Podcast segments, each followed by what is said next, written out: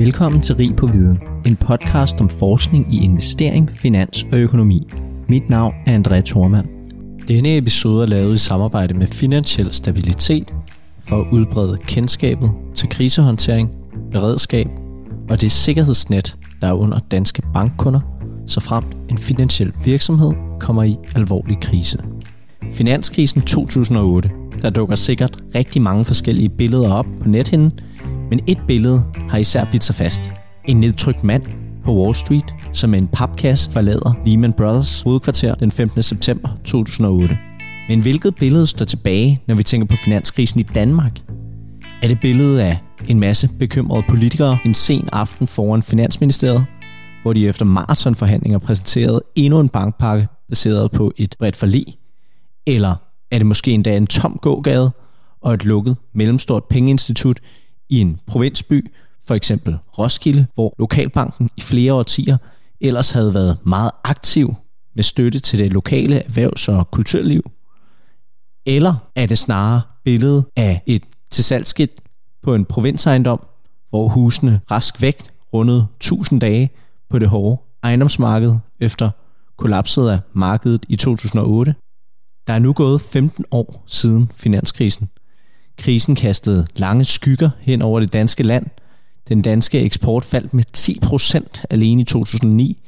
62 pengeinstitutter forsvandt fra 2008 til 2013. Og ifølge Arbejderbevægelsens Erhvervsråd kostede krisen op imod 200.000 jobs i den private sektor alene. Men Danmark kom heldigvis igennem krisen, om ikke styrket som med skinnet på næsen tilbage i tid, og i dag så sætter vi jo beskæftigelsesrekorder måned efter måned. Bankerne de lader til indtil videre at være i topform, og landet er vel ikke alene mange jobs, men også mange erfaringer rigere siden finanskrisen. Det er de her erfaringer, som vi skal indkredse i dag, i dagens episode af Rig på Viden. Hvad lærte vi af finanskrisen, og hvad burde vi have lært? Til at hjælpe os med at besvare de her spørgsmål, så har vi et meget veloplagt panel med os i dag. Blandt andet tidligere erhvervsminister og formand for Konservativ Folkeparti, Lene Espersen, tidligere formand i bankernes brancheorganisation Finans Danmark, administrerende direktør for Dan- Nordea Danmark, Peter Schütze, og prodekan og lektor på Copenhagen Business School, Martin Jes Iversen, som også er forfatter til bogen Sidste Udvej fra 2013 om finansiel stabilitetshistorie. Kære Lene og Peter, Lad os spole tiden tilbage til forsommeren 2008. Dengang der læste vi jo i aviserne om den her subprime crisis fra, fra USA. Men altså for de fleste af os, der virkede det jo fjernt. Det var, vi, vi hyggede os hjemme i Danmark, men så var der det her over på den anden side af Atlanten.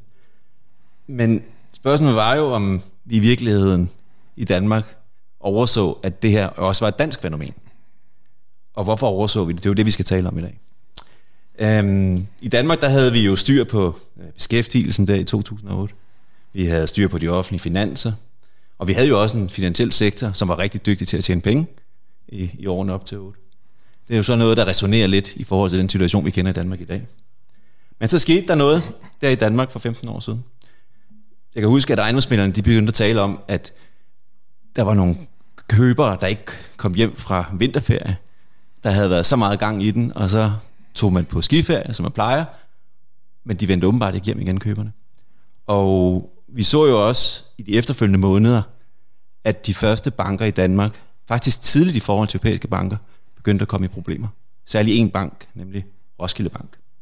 Og hvis vi sådan lige tegner situationen op derfra fra 8, så må man sige, at på den ene side, så så vi Roskilde Bank, der i stigende grad blev noget, man talte om. Ikke alene i Danmark, men faktisk også internationalt.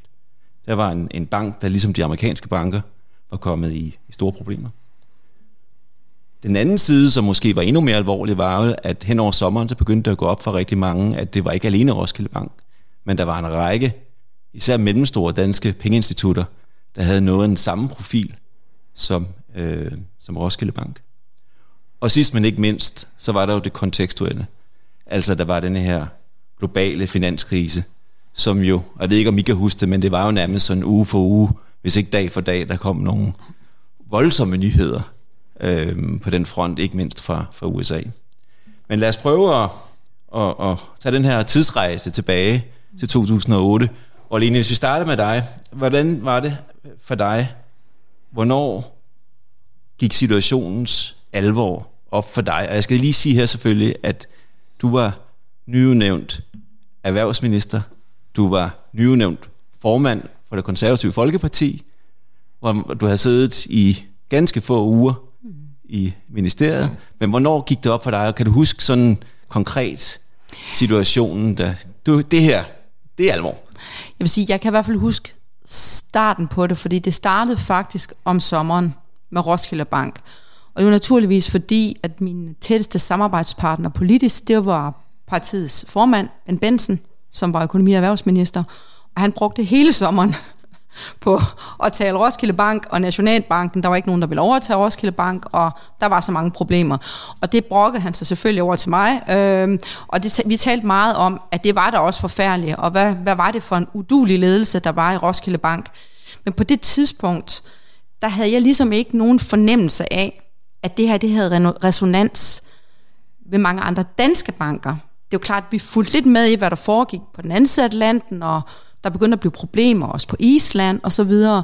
Så jeg vil sige, at, at situationens reelle alvor, altså det man kalder et black swan fænomener, det her med, at der sker noget, der har altafgørende, gruvækkende betydning for hele den globale økonomi, øh, det går faktisk først op for mig, da jeg så bliver økonomi- og erhvervsminister, og Lehman Brothers går konkurs, bliver ikke reddet, øh, og min departementchef kommer ind og siger, Lene, det her, det kommer til at have rigtig, rigtig store konsekvenser, øh, tror jeg, også for Danmark, fordi det kan godt ende med, at det er en, en bold, der begynder at trille. Og det er klart, det var jo ikke sådan dag 1 eller dag 2, men der var i hvert fald en fornemmelse af, her er der noget, som er nyt. Vi er på lidt øh, ukendt territorie. Vi vidste i forvejen Danmark, der har egen valuta, øh, men som følger euroen, vi har jo den her, vi har i hvert fald en, en, en, en, en ret stærk følelse af, at vi skal være ret ops på ikke at ende med at være den, alle gerne vil øh, bette imod.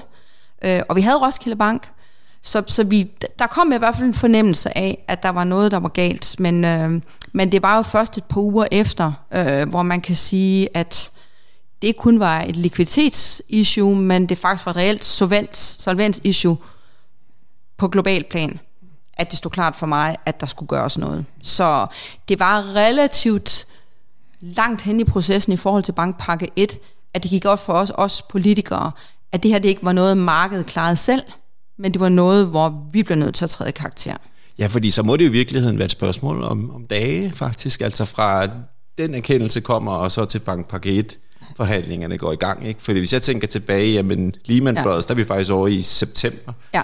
Og de første diskussioner var jo august, ikke? så det må have været der. Det må, vi taler faktisk om, ja. om sådan det, noget med det, det om, om torsdagen eller altså fredagen. Det, det var jo de facto dage, det, ja. det handlede om, fra at vi kunne begynde at se, der er problemer. Øhm, og det er selvfølgelig klart, at det, det var jo sådan en kaskade af ting, der foregik, øh, om ikke simultant, men som en kæde efter hinanden. Også det, at man har problemer i Irland, og det problem ovenpå, at den irske regering jo så vælger at lave en ubegrænset statsgaranti for irske banker, men ikke for datterselskaber fra udlandske banker, øh, der jo gjorde, at vi lige pludselig kunne se, okay, vi er godt nok medlem af EU, men der er noget, der tyder på, at der er heller ikke en koordination af EU om, hvordan man håndterer det her, og vi skal passe på, at Danmark ikke risikerer at ende med at komme i en meget, meget ubehagelig situation, fordi vi ikke har, har gjort vores stilling op, og, og hvad vi vil. Og, og, og jeg, er jo, jeg har jo et borgerligt udgangspunkt, øh, og jeg vil sige, at det var ikke nemt for mig, ligesom at, at få at vide, Lene, det her det kommer nok til at handle om, at staten skal ind øh, og, og, og have en ret kraftig rolle for at holde hånden under den finansielle sektor. Der var i hvert fald lige noget der, jeg skulle... Øh, der var lidt have, med et paradigme, hvor man skulle sige, hvordan skal vi Hvordan det skal vi gøre det? Ja. Men, men, men, men jeg vil sige, altså, for jeg synes også bestemt, at, at Peter skal komme ind med sådan nogle indledende refleksioner. Jeg vil sige, at øh, det danske folkestyre øh, fungerer second to none, ja. når den her slags ting sker. Fordi at det tager faktisk ikke politikerne ret lang tid at finde det fortrolige rum, der gør, at man kan sige an i øjnene, lægge partipolitik til side og sige, hvad er det, der skal til Præcis. for at få løst problemet. Peter, hvordan, nu vil jeg prøve at tviste spørgsmålet en lille smule øh, til dig, og ikke sådan lige tale om det der med, hvornår det her øjeblikkets alvor går op for dig, men måske nærmere spørge dig, hvornår går det op for dig, og hvordan går det op for dig, at det er en særlig situation i Danmark? Altså, hvad er det for nogle faktorer? Lene lavede noget omkring Irland. Der er måske også noget omkring, at der var de her mellemstore banker, og det kunne også være noget omkring Danske Bank. Men hvad er det, der sådan i din opfattelse gør, at situationen rent faktisk var særligt alvorlig i Danmark, hvis du er enig i det standpunkt? Altså jeg tror faktisk, man skal jo tilbage og kigge på foråret 2008. Fordi det var på mange måder øh, en række elementer, der skabte den perfekte storm. Øh, det var for det første en periode, jeg tror du brugte ordene, at det gik godt med finanserne. Men realiteten jo var jo, at man havde en proaktiv finanspolitik, som jo altså satte ekstra k under kedlerne. Man havde en optimisme, øh, der var, jeg har ikke set tidligere. Man havde, det lyder kedeligt, øh, lige gået over til de nye regnskabsregler i FAS, som jo betød, at den gode gamle tradition med, at bankerne skulle holde sådan en reserve i hensættelser, øh, det, skulle man, det kunne man ikke mere. Nu skulle man dokumentere det i fine modeller. Øh, men hvordan kunne man have modellerne, når man lige var startet op? Så jeg tror faktisk, det var et af de eneste tidspunkter, hvor jeg har været tæt på at være øh, ikke helt lojal mod reglerne, ved simpelthen at opfinde nogle modeller for at kunne holde på noget af reserverne. Realiteterne var, at man, man pilsede bankerne for reserver. Det var også lidt argumentet, man havde reserver, og det var måske noget med at skyde skat. Men man pilsede bankerne fra reserverne. Man kørte en meget, meget proaktiv finanspolitik. Et ejendomsmarked, der var ved at eksplodere. Øh, ejendom behandlet til priser, der overhovedet ikke passede med noget. Jeg synes, at foråret 2008 var super svært. Jeg var allerede så moden dengang, jeg kunne huske fortilfælde. Og øh, der, hvor jeg kom fra i Nordea, der begyndte vi at sige nej til de her ting her. Og øh, det var faktisk svært. Altså, jeg kan huske den journalist, der spurgte mig, der var faktisk flere, øh, Peter, hvordan kan det være, at jeres udlån i Nordea kun var vokset med 18 procent, de andre har 35? Altså underforstået, hvad har du ikke forstået? Altså, øh, jeg har også prøvet at snakke med journalisten senere hen, men det var sentimentet i det. Det at sige nej til private, der lånte penge for at investere i aktier, jeg snakker ikke private bank, men ganske almindelige mennesker, og sige nej til dem, det var en meget voldsom periode. Og samtidig så vi især mindre og mellemstore banker fik nye kunder og meget stærk stigende indtjening.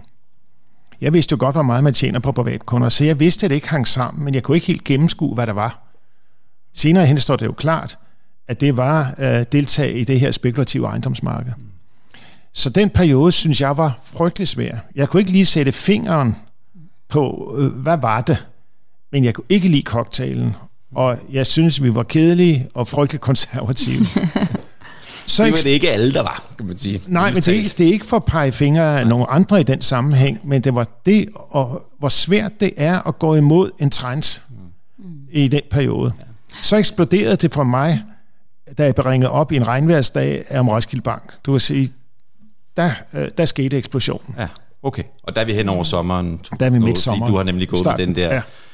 Fornemmelse af, at der er noget her, der slet ikke stemmer. Ja. Altså, og, og der er jo også et, et, et, et, et, et paradigme igen, men der er jo sådan en opfattelse af, hvad er egentlig en succesfuld bank, hvad er et succesfuldt pengeinstitut. Jeg kan også huske, at der var opgaver på CBS før 2008, hvor, hvor man jo kritiserede konservative banker ja. for, for manglende innovation, manglende blik i forhold til at være med og kunne, kunne tjene de penge, der i virkeligheden burde tjenes i et pengeinstitut. Ikke? Det blev ligesom konklusionen. Men du havde lige markering der. Jamen det var egentlig, fordi jeg, jeg, jeg vidste ikke, Peter ville sige det, men det var faktisk interessant, fordi der var også en diskussion i Folketinget, hvor, hvor, hvor Ben Benson faktisk argumenterede for, at det ikke er fornuftigt, at der er noget polstring i bankerne, til når tiderne ikke er så gode. Men hvor modargumentet var, jamen det er bare noget, bankerne gør for at spare penge og, øh, og så videre og så videre.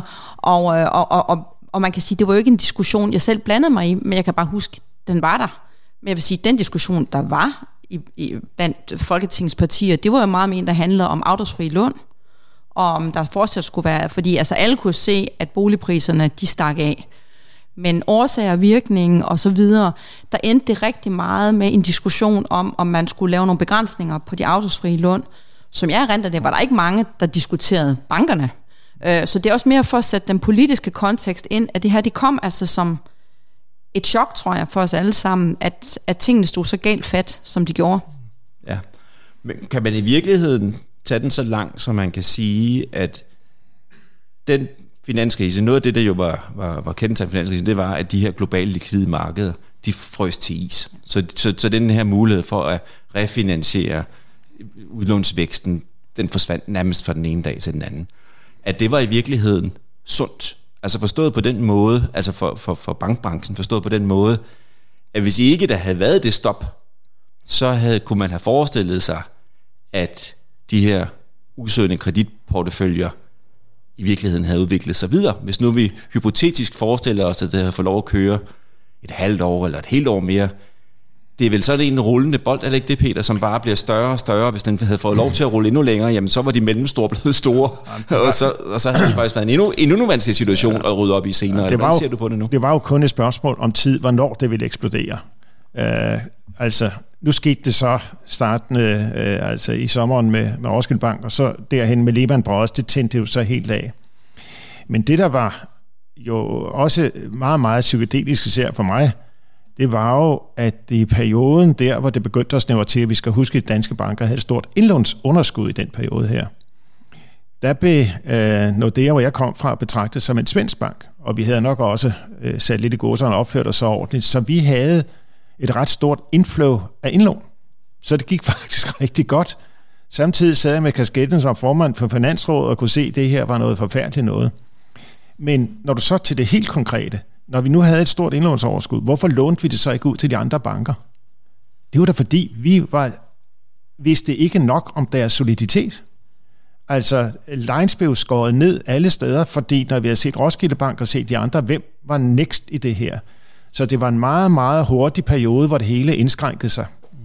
Det gik rigtig stærkt, og det vi jo så, det var, at altså, hvis vi nu går helt tilbage til Bankpakke 1 og de der dage ja. der i september, så var det jo sådan, at det gik jo ikke, som man lige havde regnet med. Efter Bankpakke 1 var blevet vedtaget, jamen så var det stadigvæk ikke muligt at rejse kapitalen. Og det, som, som, som jeg kunne se, dengang jeg analyserede den her historik i, i min bog om finansiel stabilitetshistorie, så kunne jeg se, at det faktisk var de danske pensionskasser, som blev de afgørende lige for at bygge den der bro over, og så senere så kom der heldigvis likviditet igen i markedet. Mm. Men måske kan man også sige noget om, hvad, altså, hvad, hvad betød det der med pensionskasserne, og, og hvilken form for dialog havde du som minister der i, øh, med, med pensionskasserne, og den, der er jo i Danmark den her store skal sige, koordineret opsparing, mm. som jo giver en buffer også i sådan nogle situationer her, men hvordan fik man den, eller får man den på spil?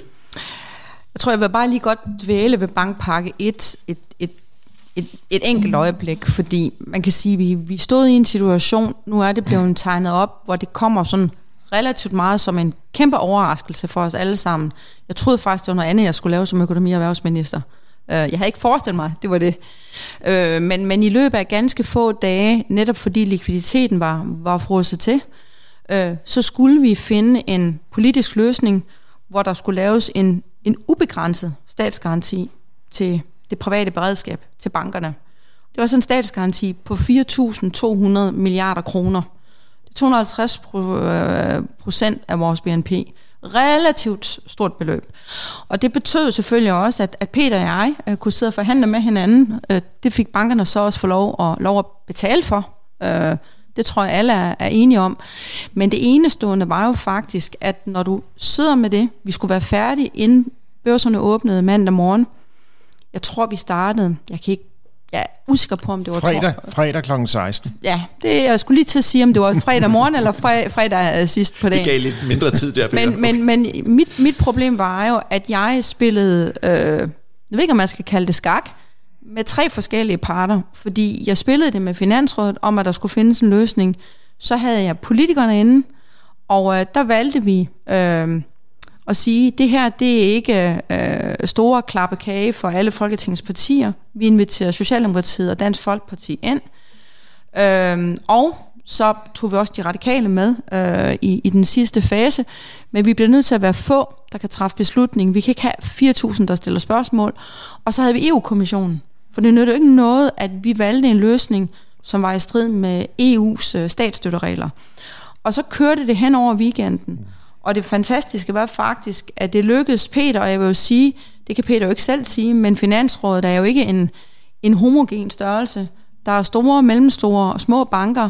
Der er ikke kun almindelige aktieselskabsbanker. Der er også andelsbanker, der er sparekasser. Det, det var en, der var nogen, der var børsnoteret i Danmark, nogen var børsnoteret i Sverige. Altså, det var en meget blandet skare. Øh, og alligevel lykkedes os øh, at lave en aftale og kunne melde det ud. Øh, vi meldte det så ud, øh, og jeg tror natten til mandag. Søndag nat. Søndag Ja. nat, ja. Øh, og øh, havde egentlig så regnet med, at nu var alt godt. Så får vi at vide, at de finansielle marker forstår ikke mindretalsregeringer. Så skulle vi lave hastelovgivning. Men, men, men det er mere for at sige, at der er ikke mange andre lande i verden, at politikere, der normalt skændes med hinanden, sætter sig sammen og laver en ubegrænset statsgaranti for at løse en, en, en problemstilling. Og det var selvfølgelig, fordi politikerne indså, det her det er ikke alene et problem for den finansielle sektor, det er hele samfundet øh, og samfundets velfungerende, der er på spil, hvis ikke vi har en velfungerende finansiel sektor. Så sker der det, som, øh, som du siger, Martin, at øh, jeg jo sådan set troede, nu er alt godt. Så kan jeg begynde at være rigtig erhvervsminister og begynde at tænke på erhvervspolitik og iværksætterpolitik. Men øh, der sker jo så det, øh, vi får vedtaget Bankpakke 1 øh, øh, i starten af oktober, bliver godkendt af EU den 10. oktober. Øh, men øh, der sker jo så det, at øh, Danmark er kommet øh, negativt i søgelyset, og det betyder, at rentespændet begynder at stige på danske realkreditobligationer. Og det er jo der, hvor vores pensionskasser øh, har en ret stor eksponering.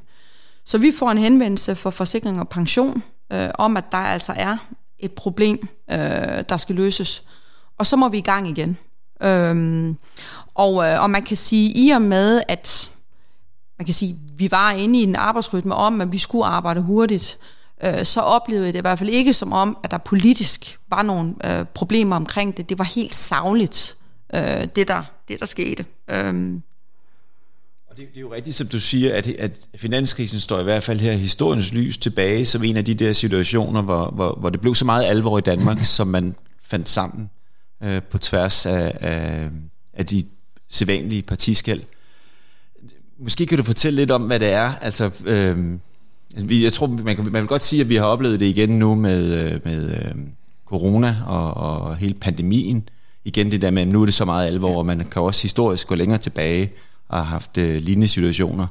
Øh, Kanslergade for er måske det mest ja. berømte i den sådan, politiske Danmarks historie. Men hvad er det det der, altså er det, er det din opfattelse, at det er noget sådan særligt dansk, og hvad er det i, de, i den danske, er det, handler det også sammen med den stemning, der er i Folketinget, eller den politiske kultur, eller vil du prøve at sætte nogle ord på det? Altså, jeg, jeg tror, det ligger dybt i den politiske kultur, og det skyldes jo blandt andet, øh, og det kan lyde lidt mærkeligt for en, der har siddet i regeringen og var glad for det, men det er fordi, vi har faktisk et ganske sundt politisk system i Danmark, hvor magten skifter ret ofte. Og det betyder faktisk, at de partier, der tager ansvar, de ved godt på et tidspunkt, så er der nogle andre, der overtager det ansvar. Og det, det, det, det, altså, det opdrager på en eller anden måde øh, mange politikere til, når det virkelig gælder, ikke at stå for fristelsen og blive meget populistiske, men faktisk gøre det, der er rigtigt for Danmark. Undlade at begynde at kritisere en regering, for eksempel hvis der er terrorangreb. Støtte op en regering, når der kommer en global øh, epidemi. Øh, Mm. og altså, jeg, jeg vil sige, det ligger bare rigtig dybt, dybt i måden, det samarbejdende folkestyre virker på i praksis. Øh, at, øh, at der er man konstruktiv i forhold til hinanden. Det er klart, debatter i folketingssalen, debatter under øh, folketingsvalgkampe, der lever man jo af øh, at betone forskelligheder. Men, men i det daglige, hvis man ser på måden, vi lovgiver på i Danmark, så er det jo nærmere 90-80 procent af al lovgivning, der bliver vedtaget med ekstremt brede flertal. Og en total kontrast til for eksempel USA, der er et ekstremt polariseret politisk samfund. Så selvom de kun har to partier, så er de meget opdelt, og det at vi er 10, eller hvor mange partier vi har nu, øh, der fungerer det alligevel på en, øh, en, en anden måde. Og, og det er klart, bankpakke 1, det kom jo lidt altså som sådan en udfrakommende begivenhed, hvor det skulle gå stærkt, så der var nok heller ikke rigtig nogen, der nåede helt at gøre så mange politiske tanker om, skal man begynde at handle med noget. Men bankpakke 2, kreditpakken, øh, hvor, hvor vi kunne se, at der skulle tilføjes øh, kapital til bankerne, der var der begyndt at være en diskussion om, ah, men hvad med de banker, og skal de ikke betale noget mere? Og vi havde nogle få begrænsninger på bankpakke 1 omkring, der ikke måtte udbetales udbytte, der måtte ikke laves tilbagekøb af aktier osv. Men der var ikke sådan mange af de sædvanlige politiske tanker om, skal vi lægge nogle flere ting på, men, øh, men, men på bankpakke 2, kreditpakken, der var der jo diskussioner om bankdirektørs lønninger og variable løndele og, og, og hele modellen. Ja, for en model skulle man vælge? Ja. Der, der, var der, der var der flere sådan, det, det vil kalde politiske diskussioner, men der valgte vi så også at tage flere politiske partier med ind under forhandlingerne, der havde vi bedre tid. Og der endte det jo alligevel med, at vi fandt nogle kompromiser, som jeg godt synes i dag, vi kan være bekendt. Ja. Peter, kan du genkende noget af det her, som Lene fortæller om? Nu tænker jeg på i forhold til Finansrådet og i forhold til det. Lene lige fortalte også om, at det i virkeligheden ikke er nogen homogen størrelse, du har stået i spidsen for. Men også det, det med genkendelsen, der tænker jeg på, at man også det at sige, her er situationens alvor. Denne her gamle strid mellem, hvem er det største pengeinstitut, eller vi de regionale, vi de nationale osv., det må ligesom lægges til side, og så står vi sammen om det her. Eller er der mere at tale om, at du simpelthen må, må sige, nu tager jeg altså førstokken her, og så må jeg forbrænde det her igennem, og så må jeg tage dem, så må jeg tage baglandet senere. Det var en nogle tempi, fordi efter øh, de første ting startede i løbet af sommeren, der lavede vi jo det, der hed det private beredskab, som jo var øh, sådan en tankesæt, at hvis et mindre pengeinstitut fik problemer, så kunne vi hjælpe til sammen med indskydergarantiordningen. Øh, det var nok lidt optimistisk i, i historisk perspektiv, men øh, faktisk fik vi samlet sektoren. Øh, vi snakker også med pensionskasserne og forsikringsselskaberne. Ja, de var sådan halvpositiv. Men det var det, vi arbejdede med i den periode, og håbede på, at vi kunne få en løsning på det. Og det var faktisk også med det mandat, vi mødte op inde hos Dejlene og øh, Deres Lykke og, øh, og Nationalbanken, for ligesom at se op til weekenden 4. 5. oktober, øh, hvordan så situationen ud. Og den, jeg kan huske, en Nationalbankdirektør, der talte op og se, hvor mange penge, der egentlig var til disposition. Og så blev der tavshed, og så var der en direktør fra øh, Danske Bank, der sagde, det var ikke nok. Og så blev der præcis sådan en tavshed i lokalet, fordi der gik en engel gennem stuen, fordi det var jo det samme som at sige, at Dansk Bank havde udfordringer. Det, så sluttede mødet faktisk ret hurtigt, fordi det var der alene, og holdet skulle på arbejde. Så du kan sige, op til stod sektoren egentlig sammen og se, vi må prøve at løse det så havde man reelt, og nu ser jeg det udefra, to muligheder. Man kunne nationalisere dem, der ikke kunne klare sig, eller man kunne lave sådan en indskydergarantiordning. Og så var det, som du nævnte, Lene, Irlands udfordring i det. Og i den weekend der, øh, var jeg jo så nødt til at forhandle rundt med, med stakeholderne i det. Det gik nu, altså alle kunne forstå nødvendigheden. Nej, dem jeg havde problem med, det var mine egne. For hvordan skulle en svensk bank med en stor datterbank i Danmark betale et par milliarder kroner for de indlån, man nu havde gratis? Altså, de væltede ind, men at garantere dem. Jeg vil sige, det var ikke den nemmeste opgave, jeg har haft. Men øh, jeg måtte jo prøve at sige, at der var ikke rigtig noget alternativ. Man kunne ikke melde sig ud af samfundet, når man var i et land. Nej, det var det sværeste. Og så var der det aller, aller sværeste. Og det var lige øh, dagen efter, hvor det så var faldet på plads, og alle var så glade. Og så spurgte jeg, øh, Lene, din udmærkede departementchef, hvad skal fordele? Altså, det var jo 15 milliarder, måske op til 35 milliarder, der skulle fordeles. Hvordan skulle fordelingsnøglen så være? Ja, det måtte vi jo selv finde ud af. Nå tak. så, ja, så tilbage for at snakke om det. Ja. Så det måtte vi jo hjem og snakke om. Ja. Og der havde vi et langt møde en fredag i Finansrådet, hvor der mildest talt var øh, bølgegang, hvad der ikke er uforståeligt. Som jo dækkede over, at der var en lang række, ikke en lang række, der var nogle mindre mellemstore, der jo havde udfordringer på solvens, men likviditet var jo især den største. Og derfor havde man jo regnet på, hvis man brugte den traditionelle fordelingsnøgle, som var det her dækket indlån, altså dem, der var under indskrivergarantiordningen, så ville, synes man, den store komme til at betale alt for lidt. Så jeg måtte jo bruge noget tid på at prøve at høre, med, øh, men der var, der var jo så en, der sådan måske var særlig artikuleret omkring det her, og så måtte man jo bruge metoden, der siger, hvad synes du så, det største skal betale? Og så kom forslaget med en tredjedel. Og så er det, det jo gælder om at være en god aktionarius at sige, Don, den største betaler en tredjedel, resten betaler øh, efter den almindelige ordning. Og øh, det skulle alle jo hjemme og regne på. Nej, det var en fredag. Nej, det skulle de ikke. Det var at sige ja i løbet af mødet, og det lykkedes så at få det på plads der. så selvfølgelig var det noget armbrænding, men jeg vil sige, egentlig synes jeg, at alle spillede ret konstruktivt med, fordi alle kunne se, inklusiv min egen bestyrelse, at man var nødt til at finde de her løsninger. Ja, på den måde, så, så er der jo mange, så er det jo virkelig en afspejling også af det politiske, ikke? Altså det med at sige, nu er det, det her er så alvorligt, ja. så vi bliver simpelthen nødt til at, at stå sammen, og også på tværs af de sædvanlige interesser for, for løst det. Noget af det, der jo er blevet resultat, det er jo, det er jo så det er også øh, den sammenhæng, vi er i nu, nemlig finansiel stabilitet. Mm. Og den, den, den oprettelse, den model i forhold til at få skabt en, en, øh, en form for ja, mellem, hybrid mellem privat og, og statslig. Måske kan du sætte nogle ord på, Lene. Du, du fortalte før også, at du, du kom med et uh, borgerligt, mm. måske kan vi endda sige borgerligt liberalt øh, ja. udgangspunkt, øh, og, og, og der ligger jo også en statsopfattelse i det. Ja. Altså, hvad, hvad, hvad er det for nogle, hvad var dine hegnspæle, kan man sige, i forhold til balancen mellem den private løsning og den statslige løsning, mm. og så denne her nye institution finansiel stabilitet. Kunne du prøve at sætte nogle ord på, på nogle af de overvejelser, og, og også måske, hvordan du rykkede dig mm. den her tid, hvis du rykkede dig ja. i forhold til, til, til, til din statsopfattelse, ikke? Jo, altså jeg, jeg tror udgangspunktet var, og det var jo faktisk, altså jeg tror, det var, det var, det var, det var lige starten, det var jo, at man som udgangspunkt sagde, jamen staten skal ikke ind og nationalisere øh, danske banker. Staten skal ikke til drive bankvirksomhed. Øh, det kunne jeg simpelthen slet ikke øh, se for mig. Jeg havde overhovedet ikke forstand på, og det var helt uoverskueligt. Altså, øh, hvordan skulle man gøre det? Øh, og, og, og, og imod det stod jo så, at vi kunne se, der var en kæmpe stor udfordring. Øh, vi valgte så i kreditparken jo at lave det, der hedder hybrid kernekapital. Altså vi fandt en model, der fungerede, fordi altså det, det næste lag var jo også, at noget var, nogle, nogle banker, øh, der var der tale om aktiekapital, men igen, sparekasser, øh, andelskasser, another issue, øh, nogen, der er ejet et helt andet sted, another issue.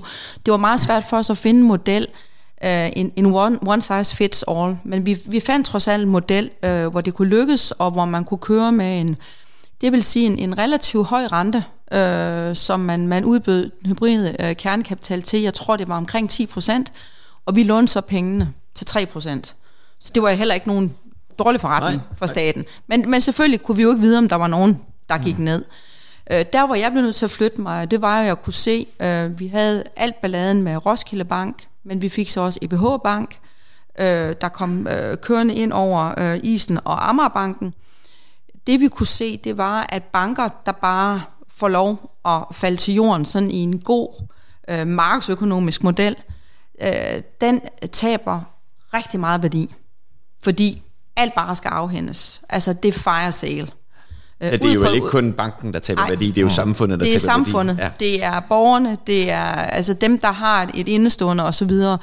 Og derfor kunne vi jo godt se, at det var, der var en rigtig, rigtig god idé i at lave en mekanisme, der lå ind imellem, hvor man i god ro og orden fik afviklet øh, de banker, eller fik andre til at overtage dem, men hvor der ikke var et kæmpe tidspres, øh, Øh, fordi det simpelthen samfundsøkonomisk var, var, var tudetosset at, at lægge det hele ud øh, i, i sådan en tvangsaktion. Øh, og der flyttede jeg mig, fordi jeg kunne godt se, at det var en bedre model for samfundet at, at gøre det på. Og, og det var jo klart, at vi havde jo ikke noget håb om, at finansiel stabilitet skulle overbefolkes øh, af, af banker. Og jeg troede personligt slet ikke på, at vi faktisk nu kan fejre 15 år for finansiel stabilitet. Hvad havde du regnet med? Jamen, jeg tror, jeg havde regnet med, at det var sådan noget med en 3-4-5 år, og så havde man nok klaret alt det. Øh, men, øh, men, men, men man kan sige, at øh, det blev faktisk noget, der, der, der viste, at det, det er faktisk en ret velfungerende institution at have i et system som vores, hvor, hvor, hvor der er behov for at have både noget, noget grundighed med, men også noget tålmodighed nogle gange. Peter, blev det ikke også en, en model, som sådan set, hvis vi nu løfter blikket over til, til det europæiske, og den måde, som man siden finanskrisen har forsøgt at håndtere risikoerne, der ligger i den finansielle sektor, og risikoen for, at det spreder sig ud, blev, det, blev den danske finanskrise og modellen omkring finansiel stabilitet og den her sådan lidt private forsikringsordning, ser du den som, som, som noget, der, der, der blev til en inspiration i Europa, eller, eller, eller hvordan ser du på det? Altså, der er ingen tvivl om, at øh, vi i Danmark valgte den øh, lidt hårdere model med at sige, altså hvis det ikke kan, forstå, øh, kan bestå, så skal staten ikke komme med penge, så skal der afvikles ind i finansiel stabilitet.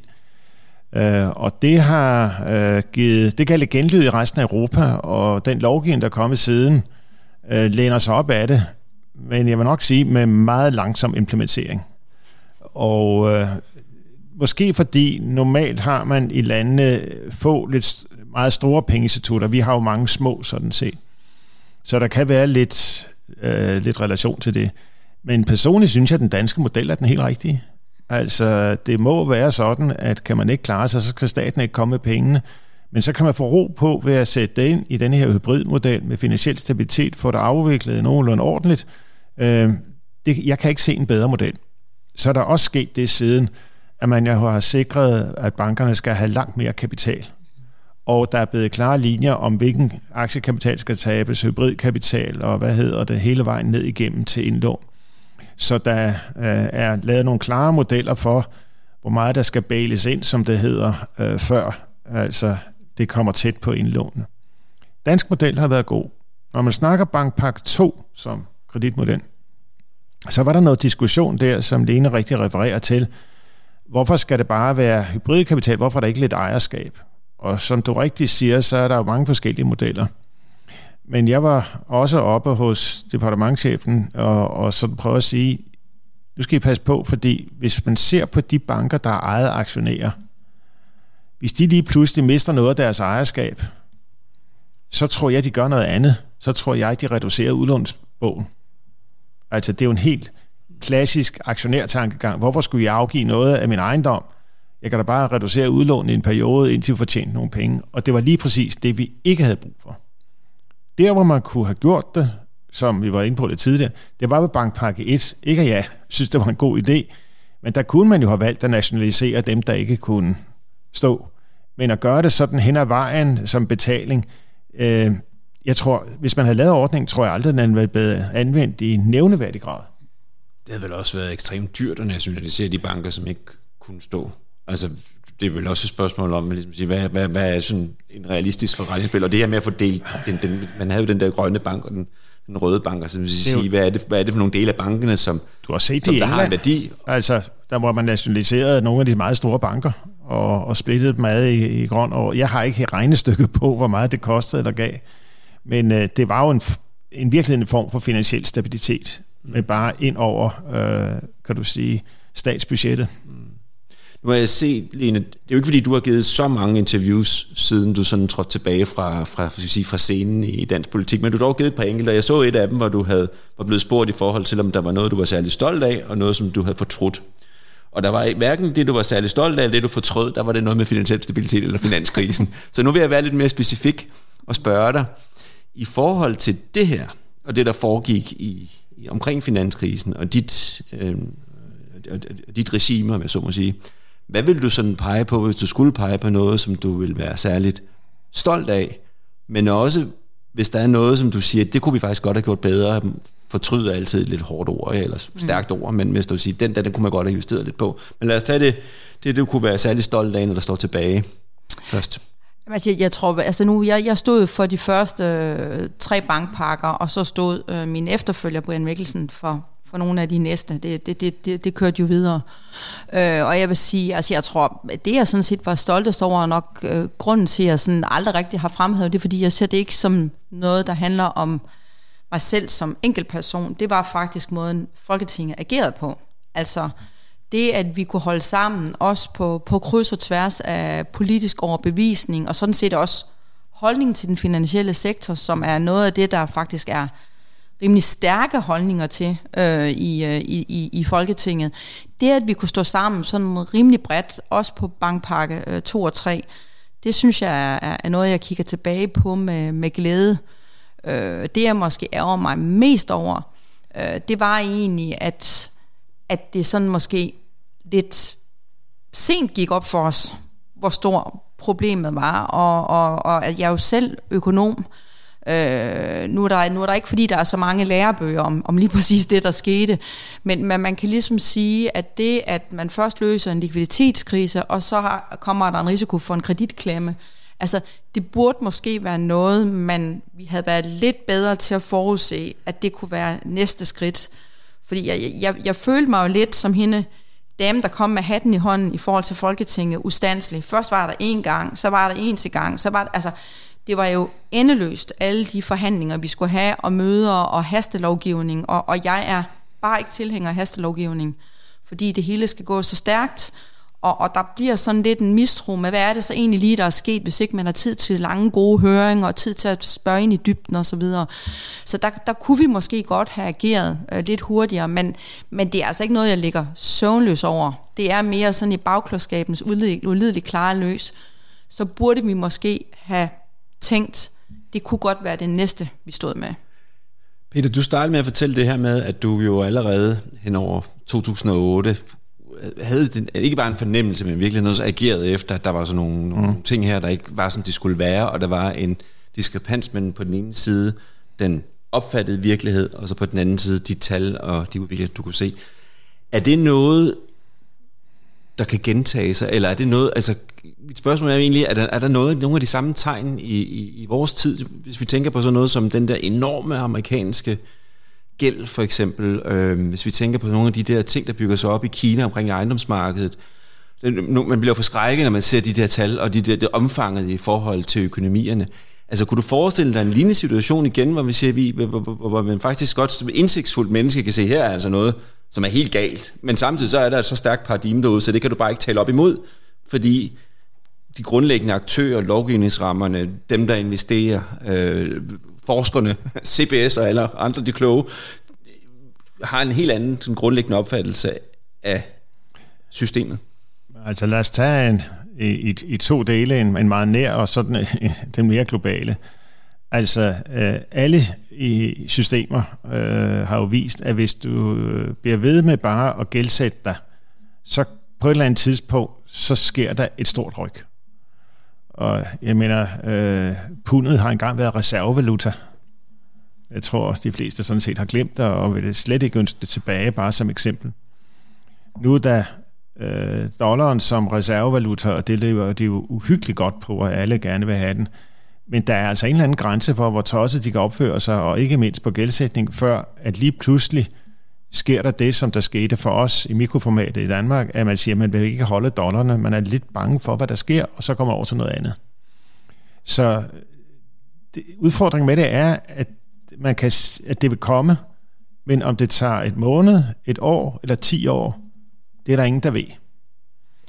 Uh, og så har man jo også mulighed for at mitigere det. Hvis vi så tager det meget nære, så er det jo ikke mange dage siden, at øh, det systemiske risikoråd kom ud med en anbefaling om, at øh, i forhold til erhvervsejendomme, så skulle banker og realkreditutter holde 7% øh, kapital målt på deres risiko inden for det her ret snævre segment. Og det må siges at være at tage læring af fortiden, fordi vi har set to gange i Danmark, at netop det segment har været arnestedet for noget, der kører af sporet. Så det er, hvis man skal snakke læring, et signal til bestyrelser og andet. Tænker nu godt om, er der bund i det her? Det var, det var i virkeligheden en, en ret omhu, og, og det er jo nok der, vi kan runde af. Hvad har lageren været fra finanskrisen? Altså, det er klart, der er en lovgivningsmæssig lære, og den, og den, den, den, den er jo derude, og, og der er også nu man har jo hegnet den finansielle sektor ind på en helt anden måde, end man havde før finanskrisen. Men, men hvad er sådan, hvis vi skal tale om en, en politisk lærer? Øh, nu tænker jeg også sådan på det ideologiske, og også sådan i forhold til, til statsopfattelse. Altså, øh, øh, måske at, giver det mening at tale om, at der er et pendul, der svinger mellem private løsninger og statslige løsninger. Og når der sker sådan en krise, så svinger pendulet lidt. Altså, men hvad har, hvad har læreren været i forhold til det her pendul, og, og, og, og, og læreren for dig også personligt i forhold til, hvad er det for en rolle, øh, staten skal spille i et velfungerende samfund?